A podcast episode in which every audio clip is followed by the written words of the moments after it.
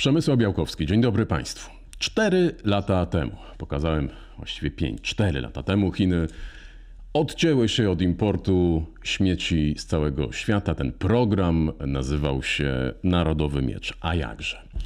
Porozmawiamy o tym, jak to wpłynęło na gospodarkę śmieciową na całym świecie, ale porozmawiamy też o tym, jak e, śmieci, a właściwie fachowo mówiąc odpady, jak radzimy sobie z nimi w Polsce. Razem ze mną Katarzyna Błachowicz, wiceprezes zarządu klastra gospodarki odpadowej i recyklingu Krajowego Klastra Kluczowego.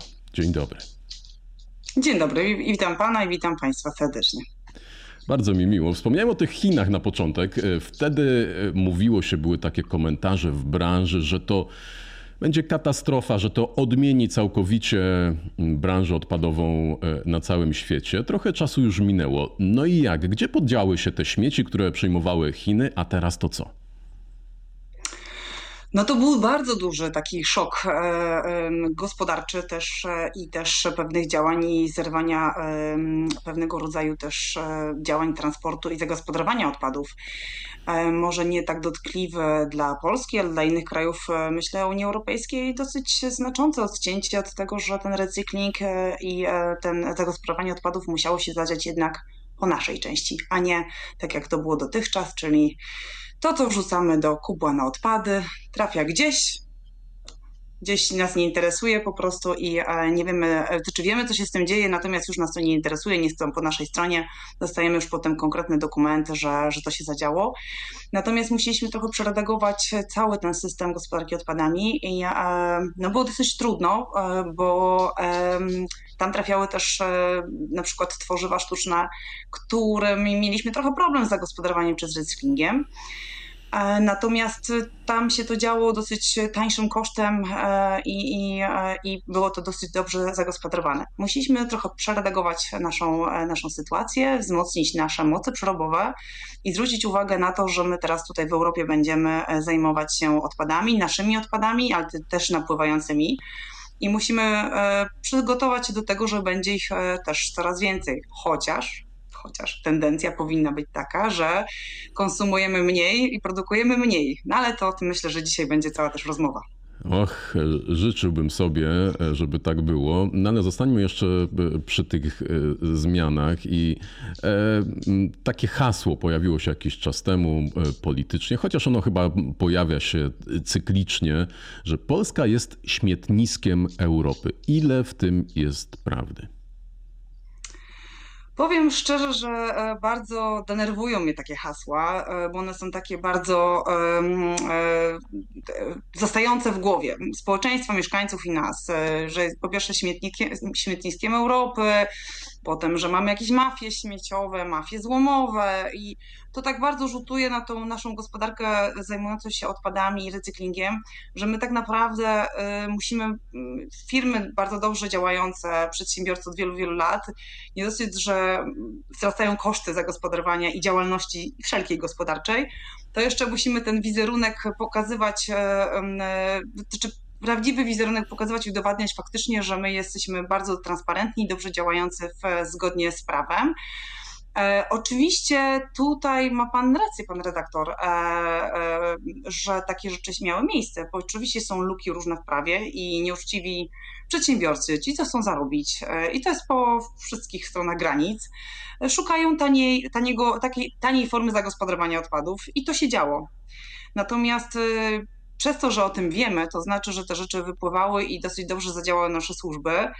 E, no i też nie ukrywam, że ci dobrze działający... To jest duża skala, bo, bo ja trochę nawiążę jeszcze do, do, do, tych Chin, no bo skoro 4 lata temu hmm. Chiny zamknęły swoje granice, no to coś z tymi śmieciami hmm. musiało się e, wydarzyć. No, nie zaczęliśmy nagle produkować mniej tych śmieci, one nie zaczęły mhm. znikać, hmm. więc zastanawiam się, czy te kanały transportu nie są trochę inne i te miejsca docelowe, czy wśród tych miejsc docelowych nie znajduje się również Polska. A może wcale nie mam racji. Oczywiście, że e, znaleziono inne miejsca e, docelowe, gdzie ten recykling, zagospodarowanie odpadów e, zaczęły mieć miejsce, więc no nie, też jakby same Chiny potrzebują surowca. Czy to już nie w postaci odpadów, tylko po prostu surowca wtórnego, recyklatów do produkcji swoich wyrobów. Więc jakby tutaj nie można było odciąć całkowicie tej gospodarki, natomiast ich działania miały na cele, żeby była bardzo prośrodowiskowa. Tu u nas akurat w Polsce zadziało się kilka czynników te parę lat temu. Zmieniono nam, zmieniły się też przepisy, że na przykład jak myślimy, mówimy o tworzywach, one są bardzo kaloryczne, czyli co to znaczy? To znaczy, że można je zagospodarować poprzez odzysk energetyczny, e, czy też spalanie. Mają bardzo wysoki e, proces spalania, no więc jakby nadają Zatrzymajmy się, do się bardzo, bardzo proszę przy spalaniu, bo to jest dla mnie bardzo ciekawe zagadnienie. W Polsce jest, jeśli się nie mylę, 7 czy 8, 8 spalarni. W Niemczech dla porównania ich jest ich prawie 10 razy y, więcej. No i właśnie te spalarnie to są dobre czy złe? Ile jest z nich energii? Na ile to jest ekologiczne rozwiązanie? Na ile nie? Jak do tego podchodzić? Ja, piewca recyklingu, będę zawsze nawracać do tego, żeby mówić jednak o e, ponownym wykorzystaniu e, odpadów, które mamy, e, ich zagospodarowaniu. Natomiast tu się kłania też ekonomia, efektywność energetyczna i cała ekonomia systemu. I trochę ja bym odeszła od tego ciągłego porównywania się do innych krajów, bo mamy inną kulturę, inny system mieliśmy, działający bądź w różny sposób A ja inaczej jeszcze działający. parę pytań o porównań, system kaucyjny i tak dalej. No jeszcze będzie, przepraszam. Tak, no, no ale... nie mamy pewnych rzeczy, mamy też e, inny sposób zagospodarowania, mieliśmy też inny poziom konsumpcjonizmu, my trochę mniej kupowaliśmy 10-15 e, lat temu niż obecnie to się ma miejsce. My teraz dochodzimy do tych rankingów wysokiego konsumpcjonizmu. Nie, ale dalej mniej Więc... kupujemy, czy mniej zużywamy prądu niż Niemcy czy Amerykanie i tutaj jak najbardziej zielone punkty dla nas. Y, tak, tu jest bardzo dużo takich e, rzeczy, których nie musimy się w ogóle, e, możemy się nimi ich po prostu chwalić, e, że, że takie rzeczy się dzieją. Staramy się bardziej modułowo podchodzić do, do gospodarki odpadami, czyli tu mnie pewnie moi koledzy z branży by troszeczkę zakrzyczeli, że to trochę nie tak, natomiast że, że jednak potrzebujemy wsparcia i legislacyjnego, i finansowego na modernizację systemów i też i budowanie nowych. Natomiast ja bym popatrzyła, że my korzystamy z tego dobrego i widzimy, co się złego działo. Więc to, że mamy taką ilość zakładów termicznego przekształcania odpadów, bo to taka prawdziwa nazwa, żeby nie straszyć tą spalarnią, bo ta spalarnia to się kojarzy no tylko tak naprawdę z, z, w oczach mieszkańców, niektórych niewyedukowanych, a może którzy nie wiedzą, jak to wygląda, to myślą, że to się spala kubka śmieci i idzie w dym straszny. Natomiast to są naprawdę fajne, e, dosyć dobrze działające zakłady. No ale do czego zmierzam? No jednak mamy hierarchię w Komisji Europejskiej i też w Polsce hierarchii zagospodarowania odpadów i to, co my robiliśmy, czyli ponowne, najpierw nie, nie produkować odpadów, potem ponownie użyć, potem przedłużyć ich cykl życia. Ten recykling, który ja się zawsze śmiałam, byłam piewcą recyklingu 15 lat temu, on był on the top w tej hierarchii, czyli najpierw recykling, no to składowanie na końcu i ten odzysk energetyczny. Teraz ten recykling w hierarchii już jest tak gdzieś po środku albo na końcu, już jakby nie jest tym najważniejszym ogniwem tego, tego całego systemu. No i to jest nasza rola też mieszkańców, też spojrzenia na to, czy, czy my się zgadzaliśmy na to, żeby te spalarnie powstały. To naprawdę była czasami droga przez mękę budowania tych termicznych zakładów przetwarzania odpadów. Mnie tutaj trochę e, moi znajomi ekolodzy by zjedli, bo ja powiem jednak, że no musimy domykać system. Czyli patrząc ekonomicznie, no mamy pozostałości odpadów, które na ten moment jeszcze nie umiemy zagospodarować, nie mamy co z nimi zrobić. A przypominam, że my do 2030 roku powinniśmy tylko składować 10% e, odpadów, czyli coś z nimi musimy robić. Chyba sami mieszkańcy widzą, że jak mamy ten czarny worek czy ten pojemnik na odpady, tych zmieszanych odpadów, nadal mamy tam dużo. Można je wybrać, można poszczególne rzeczy tego e, spadrować. Coś zostanie zawsze. Nawet po recyklingu, po którymkolwiek procesie zostanie coś, co tak naprawdę możemy wykorzystać energetycznie. Więc musimy patrzeć całościowo na pewne rzeczy. Ja nadal będę mówiła, że recykling przede wszystkim, ale no też musimy widzieć, że są trochę też ciemne strony recyklingu. Czyli no, niektóre rzeczy możemy kilkakrotnie recyklingować, ale nie wielokrotnie, tak? No, nie da się niektórych procesów powtarzać z taką dobrą e, efektem i jakością. Ciemne strony recyklingu, mówi wiceprezes zarządu klastra gospodarki odpadowej i recyklingu i teraz taki nagłówek się pojawi. Nie, oczywiście żartuję. E, no, ale była mafia śmieciowa, no tak. Tak, i mafia śmieciowa. Mm, ale przejdźmy, no właściwie to rzeczywiście, e, nie wiem, czy to jest ciemna strona recyklingu, może ciemna strona wiedzy Realna o recyklingu. Chyba. Rzeczywiste albo... podejście Okay, Staramy się patrzeć dobrze. rzeczywiście i realnie na to, co mamy teraz, na to, w jaki sposób powinniśmy budować tą, tą, tą No to ja patrzę w rzeczywisty, realny sposób na wyniki badań opinii społecznej czy opinii publicznej, w których czytam, że 58%, jeszcze raz powiem i dodam, tylko 58% Polaków wie, do jakiego pojemnika wrzucić karton po mleku. O czym to świadczy? To jest e, droga przez mękę, że tak powiem, i rozmowy chyba wielokrotnie, które my rozważamy jako klaster gospodarki odpadowej, recyklingu, też rozmawiam z przedsiębiorcami, z nauką, tak samo z administracją e, i samorządami w jaki sposób dotrzeć i w jaki sposób edukować. I to się troszeczkę zmienia. No, pamiętamy, chyba 15 lat temu to dostawaliśmy dużo ulotek jako mieszkańcy i z tego mieliśmy się dowiadywać. No, te formy teraz już się trochę zmieniają i bardzo mocno te kampanie wybrzmiewają trochę w inny sposób. Każdy próbuje w inny sposób dotrzeć, czy to do dzieci, bo zaczynając od dzieci.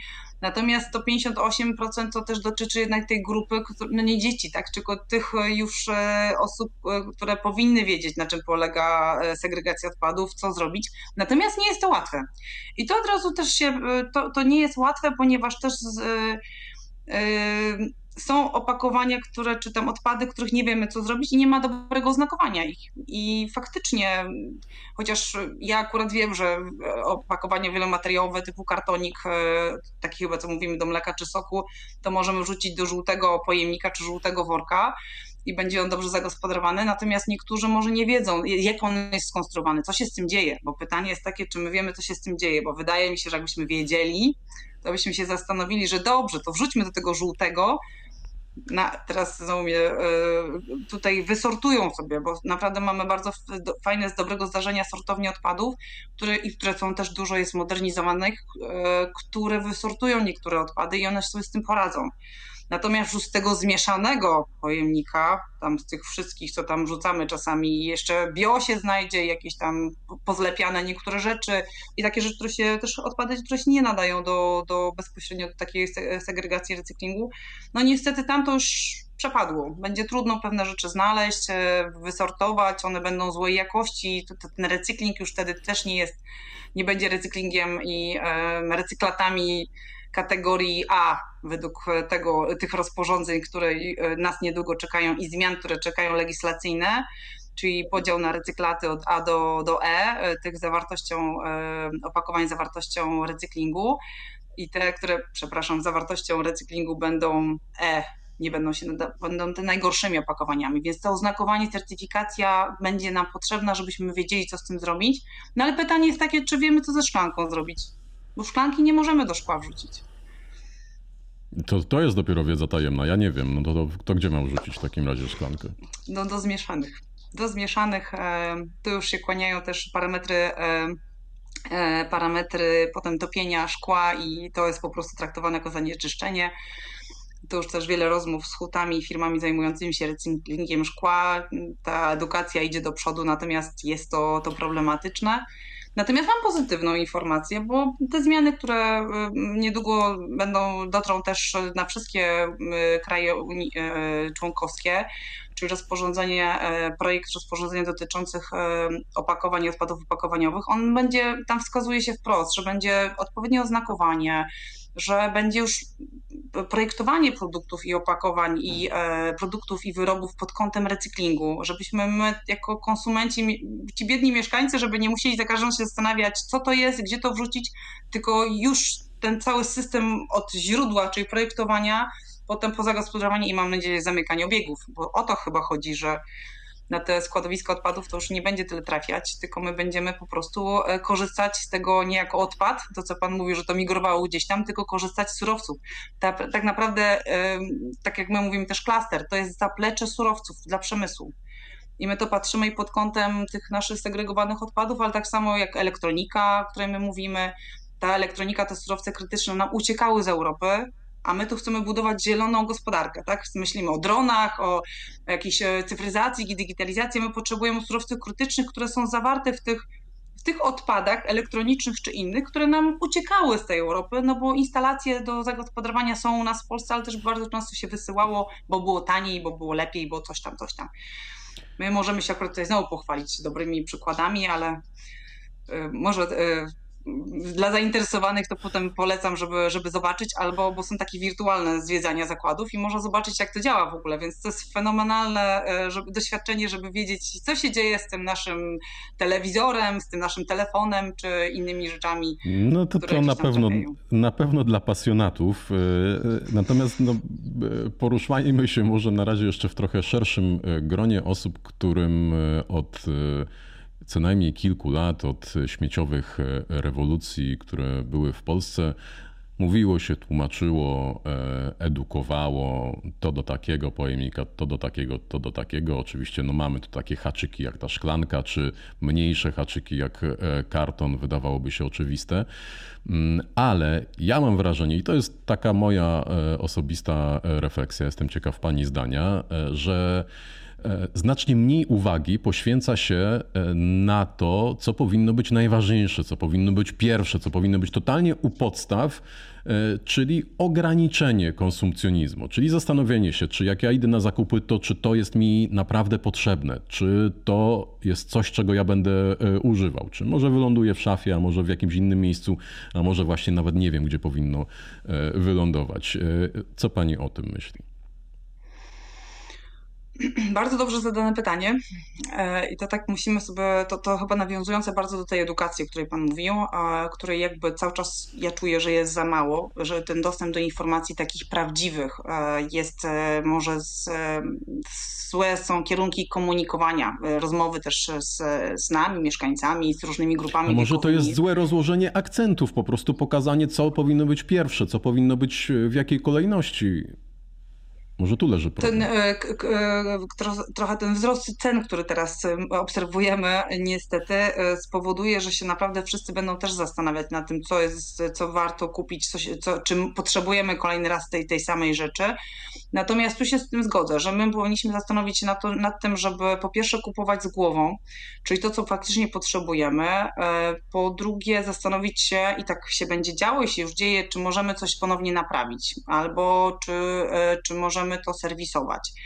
E, to myślę o sprzęcie, ale też myślę o innych różnego rodzaju produktach w domu, więc to już jakby jest odpowiedź, bo będzie, e, bo te produkty będą z myślą bardziej mm, e, projektowane z myślą energooszczędności, czyli one już nie będą takimi na przykład elektronika czy, czy jakieś lodówki i tak dalej, one już powinny mieć wydłużony cykl życia, a nie tak jak no, wymienialiśmy je dlatego, że było na przykład lepiej wymienić, bo one teraz na przykład mniej zużywają prądu i energii. No ale tu trochę się już dzieje, bo mamy już takie przepisy, prawo do naprawy, którego pilnuje e, mhm. nasz UOKiK, e, gdzie e, wymaga się od producentów zapewnienia choćby części zamiennych do dużego AKD, nie wiem, zdaje się, że pralki są takim przykładem sprzętu, no bo doszliśmy już do takiego momentu, że ten cały sprzęt elektroniczny, którym jesteśmy otoczeni, no to to było na zasadzie kup, a jak coś się zepsuje, no to wyrzuć i kup nowy. No i to jest chyba ten kierunek, w którym rzeczywiście e,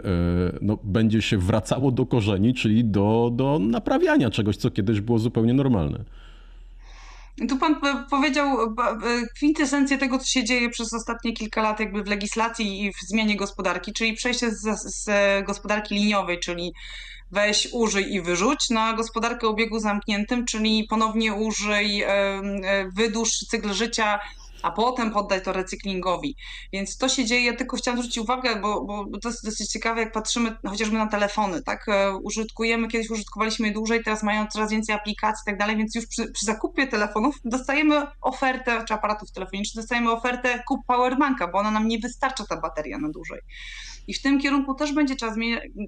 Widziałam projekty, gdzie mówi się o wymianie, możliwości wymiany baterii, bo teraz nie jesteśmy w stanie tego zrobić. Kiedyś to było, teraz nie ma. No, też e, to jest użytkowe e, i też różnego rodzaju działania, które nam są bliskie, tak? bo my chcemy mieć coś lżejszego, z większym ekranem, większymi możliwościami użytkowania. Użytkujemy tego dużo, więc jest tutaj duże wyzwanie też dla producentów, żeby spełniali ten, ten zakres, który nam, e, nas interesuje.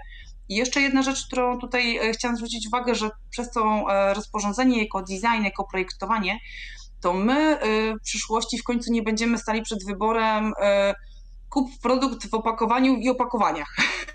co się teraz dzieje czasami przy, e, przy zakupie chociażby takiej, e, takiej, takiej do, do użytku codziennego pasty do zębów. Ja zawsze też stoję przed dylematem, gdzie jest ta pasta, po co mi ten kartonik.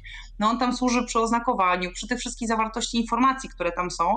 Natomiast czasami są te opakowania, sami widzimy i to będzie już zmienione, że my mamy jakieś podwójne dna, powiększone opakowania, zawartość jest, nie wiem, ileś miligramów tego no tego już nie będzie, to się zmieni i to już są e, pokazane kierunki. Na razie mówimy o, o projekcie rozporządzenia, ale mam nadzieję, że, że to już będzie też niedługo się działo i od 2030 roku już będziemy to obserwować. To jest naprawdę mało czasu dla producentów, wytwórców produktów, żeby zmienili technologie całe i linie technologiczne, więc to jest wyzwanie. Ale my jako konsumenci będziemy dobrze to odbierać. No dobrze, czyli zmieniają się, czy będą się zmieniały opakowania, same produkty też, żeby służyły dłużej, czy można było je naprawiać. To mm, jeszcze teraz porozmawiajmy o jednym e, pomyśle, też bardzo mm, głośnym właściwie od lat i, i dla mnie też przychodzi mi to na myśl, że, że to jest taki trochę powrót do korzeni, bo ja y, pamiętam E, butelki e, zwrotne. Pamiętam jeszcze takie skrzynki w każdym sklepie e, stały. Później mm, długa, długa, długa luka w pamięci, a pamięć wypełniona raczej tym, że te butelki gdzieś leżą gdziekolwiek i tak może trochę przy długim wstępem przechodzę do systemu kaucyjnego, który mhm. bardzo mnie to interesuje. Może pani mi powie, dlaczego tak proste rozwiązanie? No coś, co właściwie bez problemu działa w innych krajach, czy w jakimś tam oczywiście innym zakresie, ale działało w Polsce e, wiele lat temu zwrotne butelki. Dlaczego to ciągle nie działa? Dlaczego jest taki gigantyczny problem z tym? Jest parę czynników, e, które na to wpływają, natomiast no nie chciałabym odpowiadać, bo to trzeba to chyba zadać pytanie do, do ministerstwa, czemu e, e, środowiska, klimatu i środowiska, czemu pewne rzeczy tak długo czekają w legislacji i, i nie są wdrażane. Ja bym zaczęła jeszcze od rozszerzonej odpowiedzialności producenta, która najpierw powinna być i zbudować ten system od podstaw i także jakby wprowadzający płaci za, te, za gospodarowanie E, tych opakowań jako odpadów e, i to też zmniejsza koszty tego, koszty tego systemu. A potem uzupełnieniem tego systemu jest system kaucyjny. Jakby to jest taka normalna droga, która powinna się zadziać.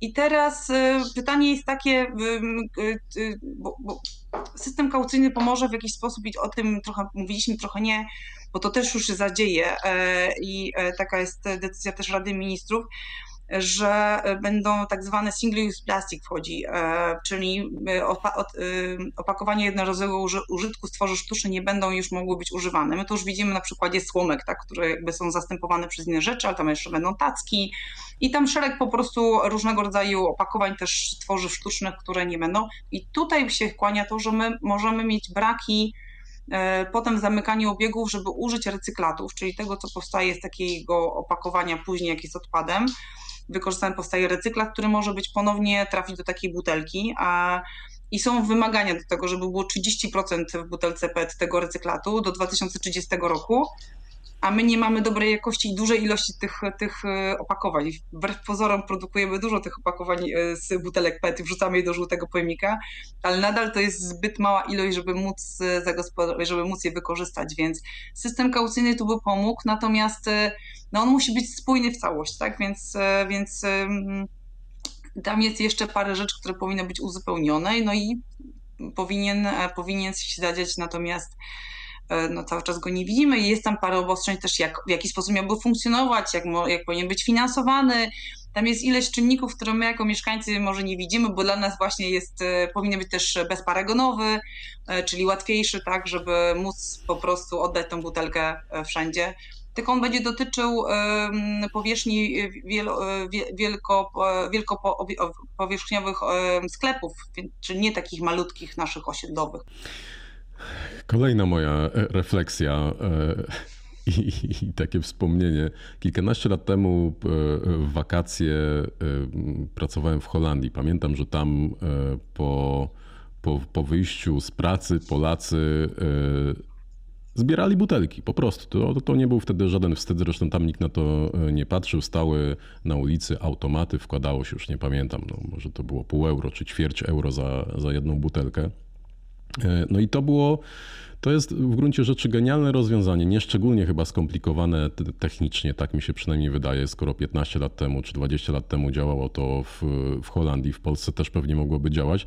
No tylko zastanawiam się, e, e, jak to jest, no bo z punktu widzenia mm, użytkownika, no, no to jest proste, ale e, jak dużo zachodu, czy jak dużo zmian prawnych, czy całego dostosowania systemu wymaga wprowadzenie, postawienie takich, no nie wiem, czy, czy lokalnie, czy w, czy w całym kraju postawienie takich butelkomatów. Jak to wygląda? Znaczy chyba samo postawienie takich, e, mm, znaczy postawienie takich urządzeń to, no to oczywiście zajmuje miejsce, natomiast musi być zbudowany system ich dostarczania, zbiórki, mycia, e, potem e, ewidencjonowania i tu jakby jest szereg rzeczy, które się powinien zadziać. Nie, nie widziałam ostatecznej wersji rozporządzenia, które o tym mówiło. To też jest dosyć istotne, żeby się z nim zapoznać. Czy będzie, mówi się o tym, że już nie odchodzi od tego, że nie będzie jeden operator, bo wcześniej mówi tak, że będzie jeden operator tutaj, e, natomiast teraz ten system będzie budowany trochę na zasadzie wolnego rynku, e, więc e, tak naprawdę będzie budowany na pewnie na podobieństwo innych krajów i w ten sposób będzie rozpoznawany, bo my mamy przecież te marki, które mają te te sieci różnego rodzaju handlowe, które mają już te, te systemy wprowadzone, więc dla nich będzie to dosyć łatwo pewne rzeczy wdrożyć. Natomiast no, związane jest to oczywiście z powierzchnią, z kosztami, kto za nie poniesie i z całą dystrybucją potem e, też finansową i zwrotu, e, zwrotu tych pieniędzy. Więc e, jak zwykle diabeł tkwi w szczegółach i tutaj trzeba, trzeba na to mocno zwrócić uwagę. Stąd też informacje, zapytania też, kto ma to finansować, tak? Kto zakupi to wszystko, w jaki sposób to będzie dystrybuowane. I tutaj jest dużo wątpliwości też ze strony e, gmin, które jakby no, ten system będą wprowadzać, też później poziomy liczenia recyklingu przecież tych opakowań, bo one muszą być jakby, no, powinny być ujęte w systemie gminnym. E, tutaj takie wątpliwości też się pojawiały i e, widziałam dosyć duże dyskusje na ten temat. No i czekam na efekty po prostu, żeby żeby móc po prostu widzieć go i wdrożyć i realizować pewne rzeczy. To jeszcze jedna rzecz. A ile się zmieniło mm, Albo ile jeszcze musi się zmienić w naszych e, głowach, żeby taki e, widok kogoś rzucającego butelkę pod nogi czy na trawnik był, był czymś takim totalnie karygodnym, no, czymś nie, nie do pomyślenia, bo są takie e, kraje, w których to jest nie do pomyślenia. U nas pewnie, to, to moja obserwacja, idzie to w dobrym kierunku, a jak pani to ocenia? Ja myślę, że to, to jest tak jak, tak jak jazda samochodem i z ograniczeniem prędkości i tym, że mamy znaki i mamy obowiązek na przykład zwolnienia do 50 e, km na godzinę, a, je, a są osoby, które jadą szybciej i łamią to i jest przyzwolenie to społeczne albo i nie. I to też się trochę zmienia. Natomiast y, potrzeba czasu, żeby ta mentalność się zmieniła i było to naturalne. Kiedyś jakby to było nienaturalne, natomiast no tak samo z tym, tak samo tutaj. Pewne rzeczy y, drażnią, jak widzimy je leżące, natomiast y, nie każdy też pewnie zwróci uwagę, bo są różne osoby rzucające odpady mnie strasznie denerwuje przy przystankach, zawsze tak było przy przystankach tramwajowych czy jakichś autobusowych, bardzo dużo pozostałości po niespalonych papierosach i tak dalej, to było bardzo dużo. I była taka akcja, przecież kampania społeczna, pamiętamy, gdzie ktoś chodził na różowo, zaznaczał e, po prostu te, e, te miejsca i zwróć uwagę na to, gdzie to rzucasz, bo to jest po prostu widoczne i to, to przeszkadza, e, więc, więc już się pojawiają, natomiast widzę bardzo dużo takich działań bardzo oddolnych, społecznych, e, już takiej niezgody na, na, te, na, to, na to, żeby tak zaśmiecać. My też widzimy może e, e, obserwowane są też są badania na temat, na, na, temat młodzieży i ludzi młodych, którzy, którzy patrzą te kwestie klimatyczne bardzo poważnie i oni do tego się odnoszą. My możemy sobie nie zdawać sprawy, dla nas jest to bliskie, ale nie, możemy nie zdawać sobie sprawy, że dla młodzieży bardzo ważnym jest wyznacznikiem teraz ochrona środowiska i ochrona klimatu i są bardzo wrażliwi na tym punkcie, więc to pokolenie które teraz jest, y, zwraca na to uwagę, natomiast kwestia tego, że my, pokolenia starsze, powinny też do, y, pewne rzeczy uzmysłowić sobie i realizować. Trudno powiedzieć w jakim czasie, bo ta edukacja ekologiczna i ten system u nas trwa 10-20 lat. No nie jesteśmy, tak jak porównujemy się czasami do innych krajów, on, on tam jest dużo dłuższy, dużo dłuższy ten cykl. Y, na pewno pomagała w tym ekonomia, że zbieraliśmy te, czy tam te butelki szklane, czy puszki. Tutaj przecież puszki to pan nie zobaczy nigdzie, bo ekonomia świadczy o tym, że one są szybko zagospodarowane, chociaż w odpadach komunalnych i zmieszanych się jak najbardziej znajdują, więc jakby tutaj mamy tendencję do wyrzucania też nieodpowiednie pojemniki. No i tak samo jest z tymi buteleczkami szklanymi, które też gdzieś tam są, pojawiają się, natomiast e, na razie ten system kaucyjny nie ma tego obejmować. No docelowo też jeden jeszcze aspekt, zwrócić uwagę, że mamy różne też opakowania, tak? Kiedyś nie było tak rozrzutu, że tak powiem, takiego wachlarza marketingowego na te wszystkie opakowania, które teraz, no każdy jest inny kształt, każdy inaczej oznakowanie, każdy jest inaczej skonstruowane, więc to też wymaga oznakowania i e, no i naszej wrażliwości społecznej, to na pewno. Ale ona chyba odgórnie nie przyjdzie. To nie sądzę, żeby kampanie telewizyjne aż tak mocno niektóre rzeczy wpłynęły. Po prostu sami obserwujemy, co się dzieje i przykład e, wrażliwości na zanieczyszczenia czy wody, czy, czy środowiska, czy mówienie o smogu. Przecież 15 lat temu nikt nie mówił, co to jest smog, a teraz wszyscy jesteśmy przerażliwieni i widzimy jadąc przez te e, różnego rodzaju miejscowości, czy te domki jednorodzinne, jak tam żółte dymy, czy jakieś inne się pojawiają i wiemy, aha, pali plastikiem. A teraz akurat to chyba coraz więcej tego. Och, to jest temat na kolejną i to bardzo długą dyskusję, y, ale tak sobie myślę jeszcze y, ostatnie zdanie, że ten przykład, który pani podała w kontekście wyrzucania niedopałków, to myślę, że bardzo fajnie obrazuje to, że jeszcze te, nie wiem, niech będzie 10 czy 12 czy 15 lat temu nikt nie pomyślał sobie, że jak to w Polsce w, w restauracjach czy, czy w barach nie można e, będzie palić papierosów. No a dziś już ciężko nam sobie przypomnieć w ogóle e, te czasy. No i to pokazuje, jak bardzo może się zmienić i, wcale aż tak dużo czasu te niektóre zmiany nie wymagają. Życzymy sobie, żeby, żeby takie zmiany również w kwestii mm, śmiecenia, również w kwestii odpadów widocznych ciągle niestety gdzieś w miejscach publicznych, żeby tutaj też dużo się zmieniło. Bardzo dziękuję. Katarzyna Błachowicz, wiceprezes zarządu klastra gospodarki odpadowej i recyklingu. Wszystkiego dobrego. Dziękuję bardzo. Dziękuję za rozmowę. Dziękuję Państwu, też dziękuję. Zapraszam, zachęcam do kolejnych e, odcinków wideokastu w Zielonej Interi. Przemysł Białkowski, kłaniam się. Do widzenia.